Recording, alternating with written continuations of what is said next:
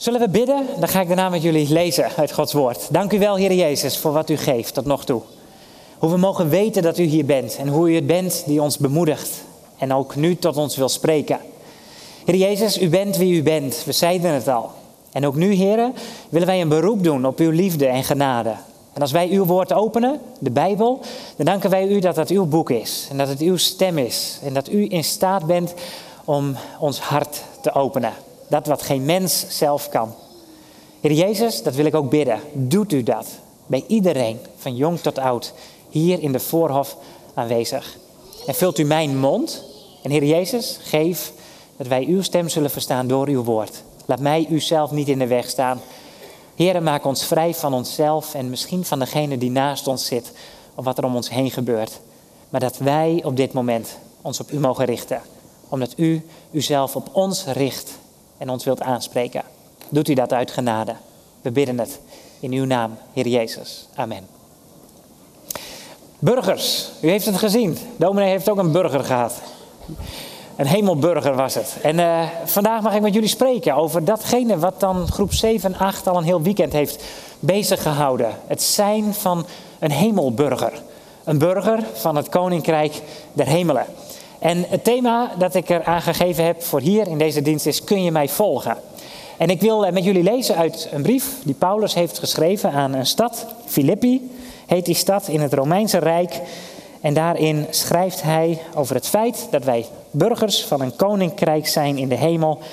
En daarin schrijft hij ook dat we hem mogen volgen. Paulus zegt in Filippenzen hoofdstuk 3, vers 10: Ik wil Christus kennen en de kracht van zijn opstanding ervaren. Ik wil delen in zijn lijden en aan hem gelijk worden in zijn dood. En dan maak ik even een switch, want ik lees uit de nieuwe Bijbelvertaling. Maar het volgende zinnetje komt uit de herziene statenvertaling, omdat ik hem veel beter vertaald vond. Omdat er dan staat, ik wil delen in zijn lijden en hem gelijk worden in zijn dood, om hoe dan ook te komen tot de opstanding van de doden. Niet dat ik al zo ver ben en mijn doel al heb bereikt, maar ik houd vol in de hoop eens dat te kunnen grijpen waarvoor Christus Jezus mij gegrepen heeft. Broeders en zusters, ik beeld me niet in dat ik het al heb bereikt. Maar één ding is zeker. Ik vergeet wat achter me ligt en ik richt mij op wat voor me ligt. Ik ga recht op mijn doel af, de hemelse prijs, waartoe God mij door Christus Jezus roept. Hierop moeten wij ons allen als volmaakte mensen richten. Mocht u er op enig punt anders over denken, dan zal God het u wel duidelijk maken. In ieder geval laten wij op de ingeslagen weg voortgaan. Volg mij na, broers en zussen. En kijk naar hen die leven volgens het voorbeeld dat wij u gegeven hebben. Ik heb u al vaak gezegd, en ik zeg het nu zelfs met tranen in mijn ogen. Velen leven als vijand van het kruis van Christus en gaan hun ondergang tegemoet. Hun God is hun buik. Hun eer is schaamteloosheid en hun aandacht is alleen gericht op aardse zaken. Maar wij hebben ons burgerrecht in de hemel. En vandaar verwachten wij onze redder, de Heer Jezus Christus. Met de kracht waarmee Hij in staat is alles aan zich te onderwerpen, zal Hij ons armzalig lichaam gelijk maken aan Zijn verheerlijkt lichaam. Tot zover. Deze woorden van Paulus. En zoals ik jullie al zei, wil ik spreken over het feit dat Paulus ook in vers 20 zegt, misschien mogen we die nog een keer zien. Wij hebben ons burgerrecht in de hemel. En vandaar verwachten wij onze redder, de Heer Jezus Christus. Paulus spreekt over een woordje, hij, hij noemt dat burgerrecht. Dat is misschien een beetje een lastig woordje, maar als je, als je een inwoner van een land bent, dan word je een burger van dat land genoemd. Het heeft dus niks met burgers te maken die je kunt eten. Jij bent een burger, waarschijnlijk van Nederland. En een burger misschien wel van Smallingerland, van Drachten. Wij zijn burgers. Paulus die zegt, wij hebben ons burgerrecht, wij zijn burgers van de hemel. Ja? Hij, hij wijst de mensen van de kerk van Jezus Christus in Filippi erop dat zij burgers zijn van een koninkrijk in de hemel. Met andere woorden, daar heb je je identiteitspapieren voor gekregen. Weten we het nog? Voor het grootste deel, zoals we hier zijn, weten we, we zijn met de bergreden bezig en daarin hebben we al gezien dat het Jezus is die zegt: Je moet een paspoort hebben om in mijn koninkrijk binnen te kunnen komen. En het paspoort wil ik je geven. En op dat moment ontvang jij burgerrecht. Nou heb ik een paar woorden met jullie gelezen. En ik zei al, op één puntje vond ik de vertaling zoals ik hem nu gelezen heb nog wat beter. Omdat het zou kunnen lijken alsof Paulus in het gedeelte dat we lazen zegt: Ja, ik ben daar nog niet hoor. Maar ik hoop daar ooit ook te komen. Ik moet maar afwachten of ik wel zal opstaan uit de dood. Maar dat is niet Paulus' geloof. Paulus weet dat hij zijn paspoort van Jezus Christus heeft gekregen. Waar Paulus vandaag over spreekt, dat is dat hij zegt: Maar ik heb het nog niet voor 100% begrepen. Ik weet wel dat ik volmaakt ben. Weet u, dat lazen we met elkaar. Hè? Laten wij die vol, vol, volmaakte mensen zijn. Laten wij die geestelijk volwassen zijn. Laten wij dit ons voornemen, zegt hij, dat we ook groeien in die volwassenheid. Dus, dus Paulus geeft aan, ik ben een burger van het Koninkrijk der Hemelen, omdat ik geloof dat de Heer Jezus voor mijn zonden aan het kruis is gestorven. En toen ik erkende in mijn leven dat hij dat ook voor mij heeft gedaan, toen werd ik een burger van het Koninkrijk der Hemelen. Maar nu, zegt Paulus, kom ik er elke dag meer en meer achter dat ik nog maar een, een schijntje heb begrepen van die grote genade en die grote liefde van de Heer. Hij heeft mij gegrepen, maar ik grijp hem nog lang niet, zo groot is hij. En daarom zegt Paulus, ik jaag ernaar. Ik, ik ren voor die prijs die Christus mij geeft in de hemel.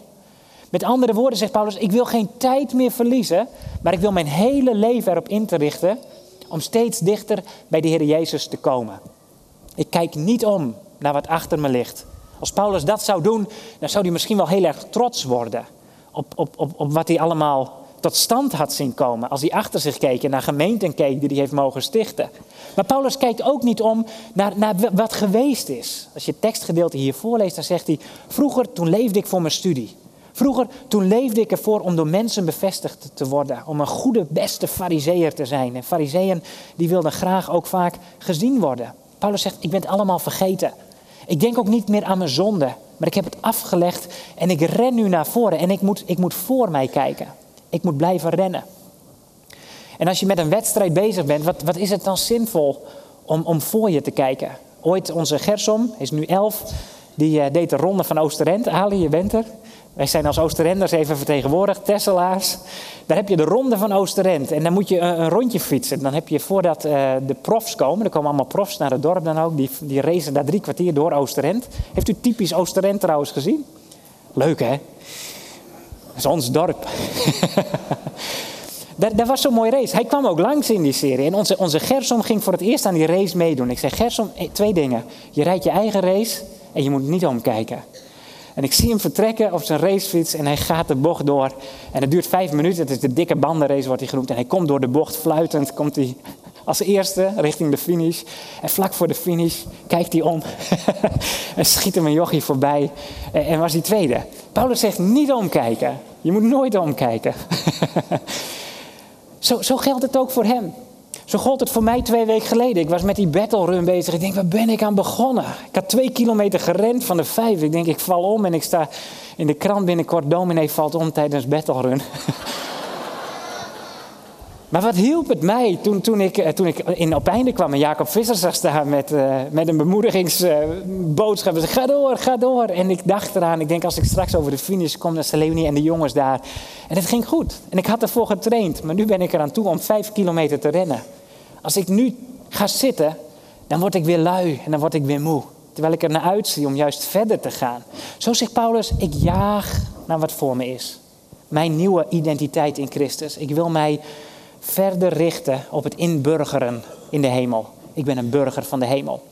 Paulus, Paulus had drie paspoorten, wist je dat? dat is, tegenwoordig is dat een probleem als je er twee hebt. Nou, hij had er drie. Hij had drie paspoorten. Hij had een paspoort van het Koninkrijk der Hemelen. Hij had een paspoort van Israël. Hij was een Jood met de Jood. En hij was, had ook nog een paspoort van het Romeinse Rijk. Hij was een Romeinse staatsburger.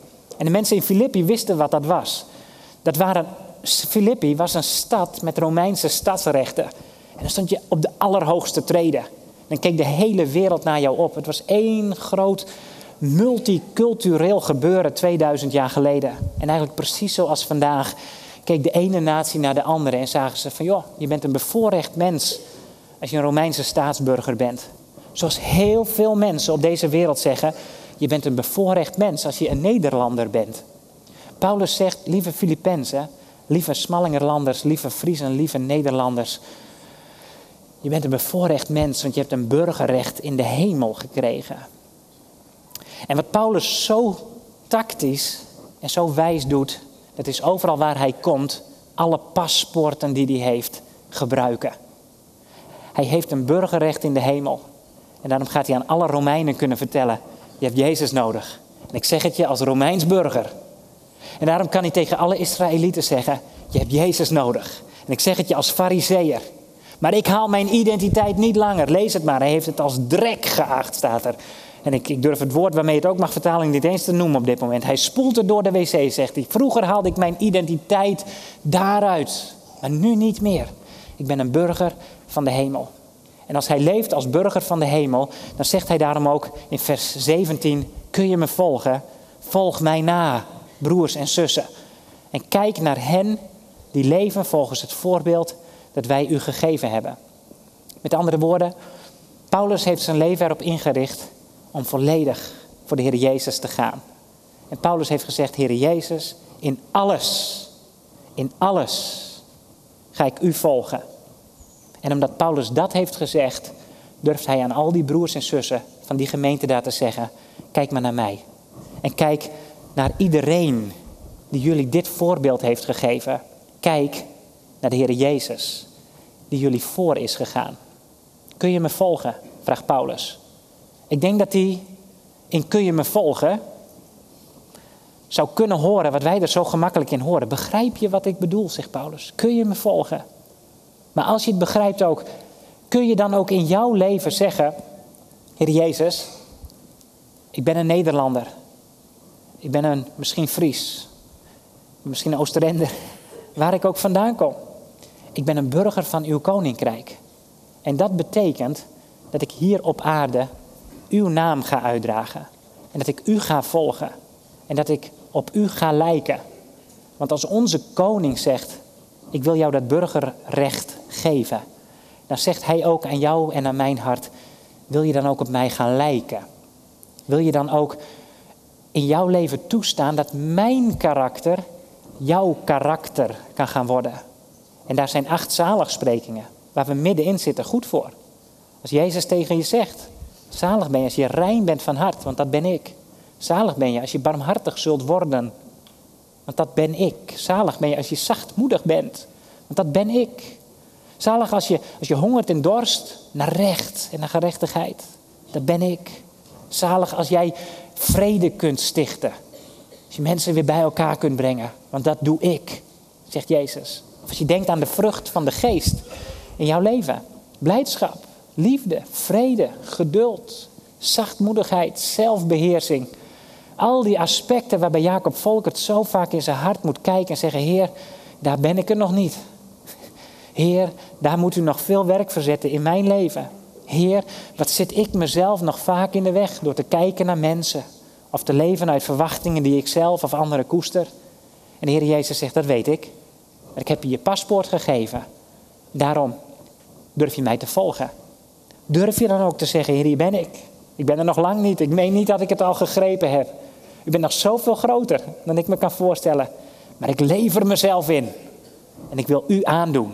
Ik wil op u gaan lijken. Want ik ben een burger van het koninkrijk der hemelen. En u daagt mij uit om andere mensen op een positieve manier het nakijken te geven.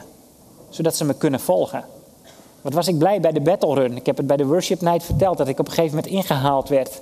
En dat ik even kon aanklampen. Dat ik achter iemand aan kon rennen die mij ook nog naar een goede tijd heeft meegelopen. Denk ik, de Heer Jezus die rent voor ons uit. En die zal ons niet kwijtraken. Hij gaat je voor. Kun je hem volgen? Wil je hem volgen?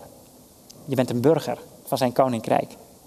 Paulus in vers 10 zegt: Ik wil Christus kennen en de kracht van zijn opstanding ervaren. Ik wil delen in zijn lijden en aan hem gelijk worden in zijn dood. Dat staat daar ontzettend veel in. Paulus zegt, ik wil Christus kennen. Dat vind ik altijd zo'n bijzonder zinnetje. Als een man als Paulus dat zegt, dan denk je nou, als iemand Christus kent, dan is dat Paulus toch? En toch zegt Paulus, nee, ik wil hem nog kennen. Want, want ik ken hem nog maar half. Misschien ken jij dat zinnetje wel, die, die ene vraag die we elkaar soms kunnen stellen. Ken jij Jezus al? En dan kan je antwoord ja zijn. Op het moment dat je gezegd hebt, ja, ik ken Hem. Ik heb een persoonlijke relatie met Christus en die komt voort uit het punt in mijn leven waarop ik heb gezegd, Heer Jezus, ik aanvaard dat u mijn verlosser bent. Ik aanvaard dat u voor mijn zonden aan het kruis stierf. En op dat moment, omdat jouw zonden worden vergeven en jij eeuwig nieuw leven van Hem ontvangt, kun je zeggen, leer je Jezus kennen. Maar op het moment dat je voor het eerst met iemand van wie je kunt weten, daar ga ik de rest van mijn leven, de eeuwigheid mee in zee. Op het moment dat je zegt, ik heb hem leren kennen, merk je aan de andere kant ook altijd, maar ik doe het, het woord kennen altijd tekort. Kijk, als, als je me vraagt, ken ik Leonie, mijn vrouw, dan zou ik zeggen, ja, die ken ik. Die ken ik. Maar ik weet ook dat als de Heer ons nog een leven lang geeft in afwachting van zijn komst, dat op het moment dat hij straks daar is, ik haar hoop ik beter zal kennen dan ik haar vandaag ken. Alhoewel ik al 18 jaar met haar wandel en we elkaar feilloos aan kunnen voelen. Zo zegt Paulus ook, ik ken Jezus. En zo zeg jij misschien ook wel, ik ken Jezus. Maar hoe ken je hem? En ken je hem echt? Ken jij hem al zo diep als hij wil dat jij hem zult leren kennen in dit leven? In afwachting van die dag dat hij zichzelf straks ook nog zal laten zien en we perplex staan over zijn grootheid en zijn liefde en zijn genade. Je kunt groeien in het kennen van Christus. Hoe doet Paulus dat? Kun je me volgen, vraagt hij. Kun je mij volgen? Want ik, Paulus, zeg het dat het langs deze weg gaat. Door de kracht van zijn opstanding te ervaren en door te delen in zijn lijden en aan hem gelijk te worden in zijn dood. Paulus spreekt erover dat hij Christus wil leren kennen vanuit zijn opstandingskracht. Die wil ik ervaren, zegt Paulus. En waarin wil Paulus de opstandingskracht van Jezus ervaren? Wel, zegt hij, die wil ik ervaren in het volgen van Hem langs een weg die dwars door het lijden gaat. Waarin ik gelijkvormig word aan Zijn dood. Met andere woorden, waarin Paulus zegt, waarin Paulus zichzelf kwijtraakt. En Jezus groot wordt. Ik wil het kruis van Christus prediken. En velen, zegt hij, wandelen als vijanden van het kruis van Christus. En ik zeg het jullie onder tranen. Ik heb een filmpje gevonden, dat wil ik jullie laten zien. Van de week, ik dacht, heer, waar mag ik het mee onderstrepen? Jullie hebben hem al gezien. Dit is een klein vogeltje. En die wil ons laten zien, nou, dat weet ik niet of dat zijn bedoeling was. Ik wil jullie laten zien, door het leven van dit vogeltje, wat de rijkdom is wanneer soms golven van het leven over je heen slaan en je denkt, overleef ik dit wel? Hoe als Christus daarin kan komen, Hij het is die jou de rijkste openbaring geeft. We gaan het zien.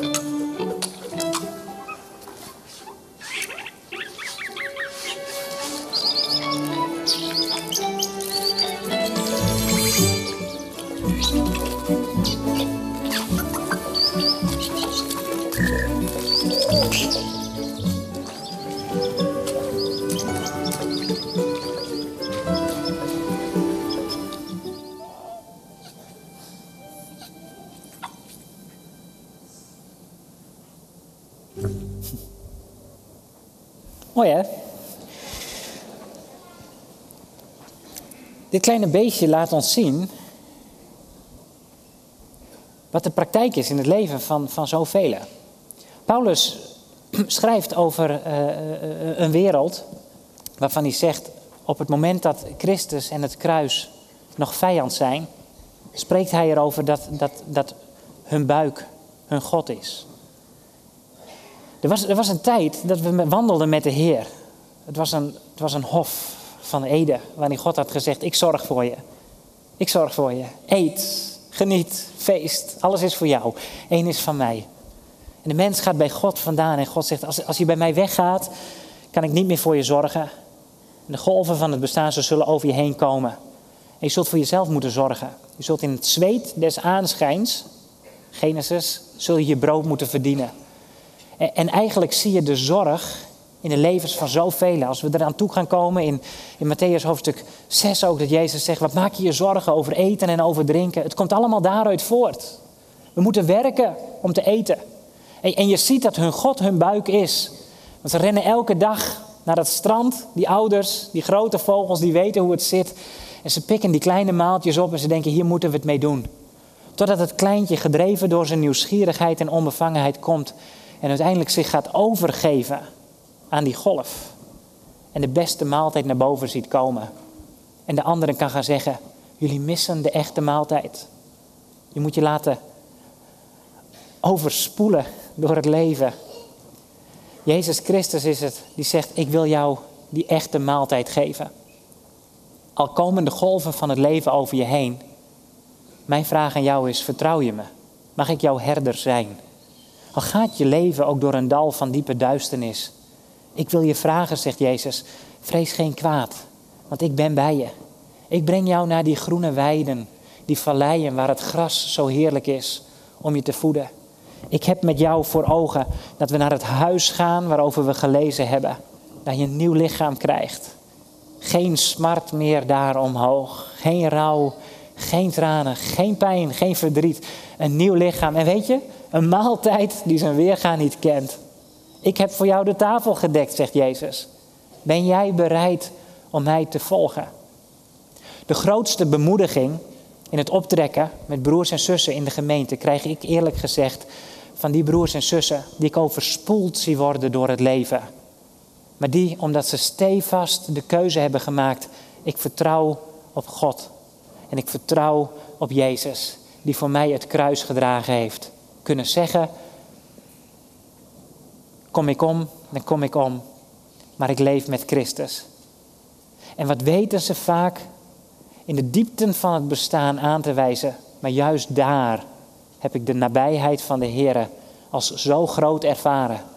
En toen ik zijn woord op die momenten opende, toen popten de maaltijden op als popcorn. En overal ving ik het woord van God en mocht ik het tot me nemen. Paulus zegt, jij mag verschil gaan maken in deze wereld door mij na te volgen in het kennen van Christus. Ik wil de kracht van zijn opstanding ervaren, juist dwars door het lijden heen. Want het is een grote verdriet. Velen, zeg ik onder tranen, vorige week sprak ik over tranen, en dit zijn ook die tranen. Ik zeg jullie onder tranen, velen leven als vijand van het kruis van Christus. De boodschap van het kruis van Christus, die landt in Nederland op harde grond. Omdat men weet, ik moet het zelf doen. En ik leef in eigen kracht. En dan is het kruis is een aanfluiting. Want het kruis, dat zou betekenen iemand anders betaalt voor mij. Daar ben ik veel te trots voor. Iemand anders zou lijden voor mij. Daar ga ik niet achteraan. Ik, ik, ik, ik los het zelf wel op. Ik red mezelf wel. Velen wijzen af wat God aanreikt. Dan moet je je voorstellen dat er een Heer is die zegt: Ik zie je worstelen. En ik zie je strijd. En mijn goedertierenheid is voor jou. Daarom stuur ik mijn zoon en hij sterft aan het kruis op Golgotha. Een ruwe dood, een dood waarbij hij al jouw zwartheid wil opdrinken. En hij zegt, hier ben ik, pak het aan. En de wereld zegt, we spugen erop. We hoeven het niet. We zijn vijanden van het kruis van Christus. En Paulus zegt, ik zie het gebeuren. En daarom schrijf ik jullie onder tranen. Zorg dat je Christus navolgt. En juist als je het gaat doen, dwars door de golven van jouw leven heen, reken er dan op dat er in die wereld mensen zullen zijn die straks ook golven over zich heen krijgen en nu al maar aan jou gaan vragen: hoe kan het dat jij in jouw ziekte zoveel rust en vrede ervaart? Hoe kan het dat jij in jouw verlies blijft kijken naar een God op wie je hoopt? Hoe kan het dat jij geen afscheid neemt van op wie je vroeger vertrouwde? Hoe kan het dat er een vrede en een vriendelijkheid en een liefde en een genade en een blijdschap, ondanks alles, jouw leven blijft beheersen? Zodat je dwars door jouw golven heen kunt gaan zeggen: Ik ervaar de opstanding van Jezus Christus in mijn leven. En ik ben een burger van het Koninkrijk der Hemelen. Ik volg Hem en ik ga naar die plaats toe waar ik Hem zal zien zoals Hij is. Ook in de gemeente van Jezus Christus moeten wij er zo voor waken dat het kruis van Christus ook in deze connotatie centraal blijft staan. Dat wij van lijden omwille van Christus naam niet een vijand maken, maar zeggen: Heer Jezus, als dit de weg is die u met mij gaat, dan draag ik mijn kruis. En dan wil ik bereid worden, Heer, om in al mijn omstandigheden het niet af te schuiven op, op mezelf of op zonden of op anderen of op de boze. Maar om te zeggen, Heer, als dit mij vandaag overkomt, ik ben van u. En u bent groot en u bent goed en uw goede tierenheid is tot in eeuwigheid. Heer Jezus, hoe mag ik in deze golf uw genade ontvangen? En hoe mag ik u zichtbaar gaan maken aan al die mensen die nog wormpjes eten in plaats van een echte maaltijd? Ik wil met jullie kijken nog naar Job. Job is zo'n man die zo leeft, net als Paulus. Paulus zegt volg mij na en, en mensen die je dat voorbeeld geven. Misschien ken je ze in je eigen leven ook, ik hoop het voor je. Mensen die zeggen ondanks alles, ik vertrouw op Jezus. Volg ze na. Job is zo'n man. Let op, aan het begin van Job komt Satan bij de Heer, twee keer. Nadien is zijn rol uitgespeeld. Je ziet hem niet meer. Hij vraagt, mag ik van Job alles afpakken? En als de Heer het hem heeft toegestaan en Job zegt, ik prijs de Heer. En Satan komt en zegt, mag ik Job zelf ook slaan met ziekte? En het gebeurt. En Job zegt, ik prijs de Heer. Dan is Satans rol is uitgespeeld. Niet op zijn konto wil Job hebben dat zijn leven de eer van Gods grote naam zal wegdragen. For better, for worse. In goede dagen en in kwade dagen zou ik niet uit de hand van de Heer het hele leven aanvaarden, zegt Job. En als Job dan in gesprek is met God en zijn vrienden komen, weet je, de beste week die ze met elkaar hebben is die eerste week. Als ze allemaal hun klep houden, zou ik zeggen. Als ze zich allemaal stilhouden. Maar wat kan het moeilijk zijn om soms bij lijden te komen en te zitten naast een bed. En dan die rijkdom te ervaren van zwijgen. Stil zijn. Echt niet willen uitleggen waarom de ander iets gebeurt. Blijf daar weg. Kom daar niet aan. Wij zijn de Heer niet. Maar sla een arm om elkaar schouder. Bid met elkaar. Huil met elkaar. Trek met elkaar op. En zeg, Heer Jezus, wij willen u hierin kennen. En dan over Hem te kunnen spreken. Omdat de vrienden van Job komen en eigenlijk zeggen: Wij maken van het kruis een vijand. En Job, het zal wel aan jou liggen. Je zult wel gezondigd hebben. Ergens in je hart is het niet goed gegaan. En Job zelf, die zo worstelt met het leven, zegt: Waarom, waarom ben ik niet gestikt? Nog voordat ik geboren werd. Waarom heeft u mij niet weggedragen nog voordat ik ter wereld kwam? Job worstelt met God. En dan gaat God praten met een man die zegt: De golven komen over me heen. Maar ik kijk naar de Heer en ik vertrouw op Hem. Job 38, daar spreekt de Heer met Job.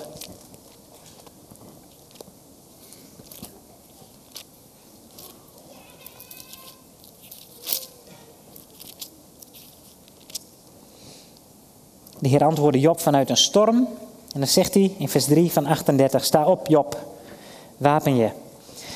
Ik zal je ondervragen, zeg mij wat je weet. Waar was jij toen ik de aarde grondvestte? Vertel het me, als je zoveel weet.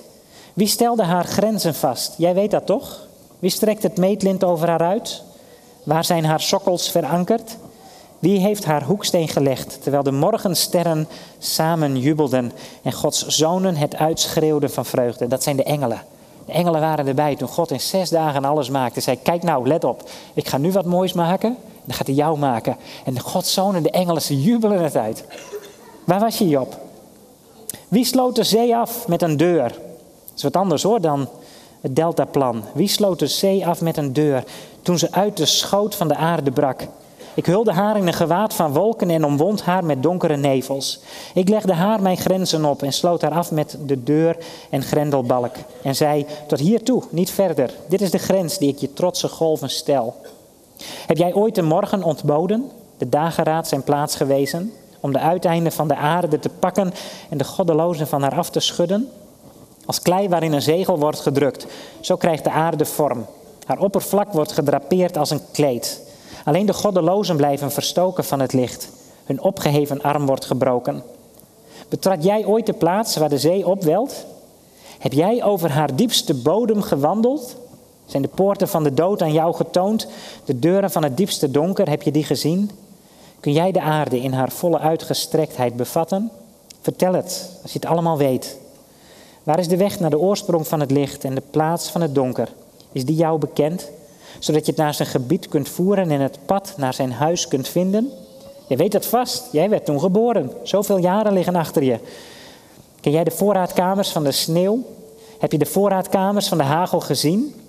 Die ik heb aangelegd voor tijden van nood, voor dagen van oorlog en strijd. Hoe kom je op de plaats van waar het licht verspreid wordt? Van waar de oostenwind over de aarde uitwaait? Wie heeft de geulen gekliefd voor de stromen, de weg voor donders en bliksem gebaand, zodat de regen neervalt op de onbewoonde aarde, op de woestijn waar geen mensen leven, en wildernis en woesternij doordrenkt raken en er overal jong gras opschiet? Heeft de regen een vader? Wie brengt de dauwdruppels voort? Uit welke schoot wordt het ijs geboren? Wie baart de rijp van de hemel? Wanneer de wateren stollen, hard als steen, wanneer het oppervlak van de zee bevroren raakt. Kun jij de Pleiaden aan banden leggen? Of de ketenen van Orion losmaken? Kun jij de dierenriem op tijd laten schijnen en de grote beer met haar jongen de weg wijzen? Ken jij de wetten van de hemel? Kun jij jouw orde aan de aarde opleggen? Kan jouw stem de wolken bevelen om je met hun regenvloed te bedekken? Kun jij de bliksems uitsturen? Zullen ze jou zeggen: We staan klaar? Tot zover lees ik dit gedeelte. Wie heeft de ibis zijn wijsheid gegeven, zie ik nog staan. Ik kan nog doorlezen, maar er komen nog twee, drie hoofdstukken op deze manier. Waarin God Job bevraagt. Zegt, ken jij mij werkelijk? Weet jij werkelijk hoe het zit? Job, ik hou van jou. En Job, ik kan je zegenen en ik zal je zegenen. En het is na deze golf, deze enorme golf, deze tsunami die over het leven van Job is gekomen, dat Job zegt, ik had van God gehoord. Ik had over hem horen spreken. Maar nu, nu heb ik hem gezien. Hoeveel van ons kunnen niet zeggen, na golven in ons leven, waarin we ons leven aan Christus hebben toevertrouwd, ik heb hem gezien. Ik heb hem ervaren. Hij is zo dichtbij. En ik wil het uitdelen. Ik rond af met een, met een fragment dat ik jullie ook nog wil laten zien uit een uh, aflevering van De Wereld Draait Door. Deze week was het op televisie. Daarin ging er een boek besproken worden van Steve Hawkins. Kent u hem? Hij is de wetenschapper die uh, The Theory of Everything heeft willen beschrijven. Een theorie van het al. Klinkt goed, hè? Een theorie waarin alle theorieën van uh, natuurkundig gebied, geloof ik, samengevoegd moeten worden. En uiteindelijk er gezocht wordt naar het unieke geheim, het ene van het universum. En het is niet te vinden. En Matthijs van Nieuwkerk stelt professor Ike, die daarover komt spreken, de volgende vraag. En ik wil het graag met jullie bekijken. En de Theory of Everything, dat wat hij je najaagde eigenlijk, hè? Ja. zo heet ook de film. Is hij daar, zijn we in de buurt eigenlijk of niet? Helaas. Uh, nee. nee. en je kunt dat om toch maar eventjes in termen van, van de algemene relativiteitstheorie te blijven. Je kunt het volgende voorstellen. Wij weten dat zwaartekracht niet bestaat. Zwaartekracht is een historische term voor de gevolgen van de kromming van de ruimte. Ik heb hier de zon. De zon kromt de ruimte daaromheen en daardoor zijn de planeetbanen gekromd. Het licht volgt gekromde banen in de gekromde ruimte. We noemen dat het gravitatielenseffect. Allemaal paf, paf, paf, keurig geverifieerd. Hmm. En nu de vraag. Hoe vertelt de materie van de zon aan de ruimte eromheen dat die gekromd moet zijn? Er is niemand die het weet. Hm. Ook Stephen Hawking niet. Maar we, we geven het natuurlijk niet op. Geef jij nou wel eens een seconde veel leven aan die vraag of niet? Of ben je met niks anders bezig? Eigenlijk... Heb je het opgegeven? nee, eigenlijk ben ik met niks anders bezig. Maar ik zou mezelf onsterfelijk belachelijk maken... door uh, hier een paar hypotheses te gaan ventileren. Iedere serieuze theoretische natuurkundige is daarmee bezig. Het is de grootste vraag voor de 21ste eeuw. En Steven is daar onder andere mee begonnen. Steven is er onder andere mee begonnen. Maar het is niet zo. God begint hier al, hè? Met Job. Job, ken jij de wetten van de hemel? En professor Ike, die in diezelfde aflevering heeft uitgelegd waarom hij niet gelooft, zegt: We staan met lege handen. We weten het absoluut niet. Het is zo keurig geverifieerd allemaal. Kon u hem volgen trouwens? Ik moest alle zeilen bijzetten. Gravitatie, lens, nog wat. We weten het niet, zegt hij. Job zegt, uh, Paulus zegt, maar ik jaag naar hetzelfde. Professor Hawkins die joeg ernaar om die ene te kennen die alles heeft bepaald, maar heeft hem nog niet gekend. En Paulus zegt, ik wil Christus kennen. En ik geloof dat Hij de theory of everything is. Ik geloof dat Hij het doel van mijn bestaan is. Hem jaag ik na. En hoewel ik Hem nog lang niet gegrepen heb, heeft Hij mij wel gegrepen. En weet ik dit. We hebben ons burgerrecht in de hemel. Vandaar verwachten wij onze redder, de Heer Jezus Christus. En met de kracht, die kracht waarmee hij dat heelal schiep, waarmee hij in staat is om alles aan zich te onderwerpen, zal hij ons armzalig lichaam gelijk maken aan zijn verheerlijk lichaam. Dat is wat Jezus gaat doen. Straks, dan zijn wij met hem. En dan krijgen wij een nieuw en een verheerlijk lichaam. En er zullen geen golven meer over ons heen slaan. Eén grote golf van Christus liefde en genade. En tot die tijd zegt hij, wandel ik achter Christus aan en vraag ik aan je, kun je mij volgen? En dat mogen we met elkaar oppakken. Zijn wij het navolgen waard? En willen wij met Christus zijn opstandingskracht ervaren om te leven vanuit zijn lijden en kruis en mensen te wijzen. Mensen, er is iemand die alles heeft gemaakt en die jou op het oog heeft. Die alle vragen doet wegsmelten in je leven en die zegt, vertrouw me, ik ben er en ik zal voor je zorgen. Kun je me volgen? Amen. Ik bid met jullie. Heren, Jezus, dank u wel dat u, nog voordat wij geneigd waren om u te volgen, naar ons toe kwam. Heren, dat u dat ene doel najoeg in uw leven, de heerlijkheid van uw Vader. En om die te tonen aan een wereld waarin wij leven, waaruit wij voortkwamen. Heer Jezus, dank u wel voor die ongelooflijk grote genade, dat wij uw stem hebben verstaan toen u ook tegen ons zei, volg mij. Ik wil u danken voor Job. Heren, dat hij in zijn leven het lijden niet op konto van een ander wilde schrijven, maar aan u alle eer gaf en bereid was om u te prijzen. We prijzen uw naam voor het leven van onze broer Paulus, die alles had prijsgegeven om u te volgen. En ik dank u, Heer Jezus, voor zoveel broers en zussen hier vanochtend, die weten wat het is om gelovig kruis te dragen, om achter u aan te gaan en juist op die momenten waarvan anderen zouden zeggen, dieper kan niet, van u die grote genade te ontvangen en die rijke maaltijd die u voor ons aan het aanrichten bent. Ik bid, Heer Jezus, voor uw kerk dat ze geestelijk steeds meer volwassen zal worden Heer, dat wij het kruis van U, Heer Jezus Christus, voor ogen zullen houden. Niet vanwege dat kruis, maar vanwege U en het werk dat U daaraan voor ons hebt volbracht. En nog meer, Heer Jezus, daarbovenuit, kijkend op U die bent opgestaan uit de dood. En levend vanuit Uw kracht in afwachting van die dag dat we straks met U zullen zijn. Heer, dan bidden we dat nog veel mensen door het kijken naar Uw kinderen bereid zullen worden om u te gaan volgen. Heer Jezus, om het plaatsvervangend lijden dat u voor ons hebt volbracht, om het te aanvaarden. En te zeggen, Heer, dit is voor mij en ik wil u gaan kennen. Ik bid ook, Heer Jezus, waar op dit moment broers en zussen daadwerkelijk lijden en gevangen zitten in een grote golf die over hen heen gekomen is. Dat u op dit moment zult laten zien wie u bent, hoe groot uw genade is. En dat ze daaruit mogen putten. Heer Jezus, wij nemen ons voor om u te volgen. En we bidden, dat een grote schade gaat volgen. Uit genade, omwille van uw naam en in afwachting van de dag die spoedig zal zijn. Kom spoedig, Heer Jezus. Amen.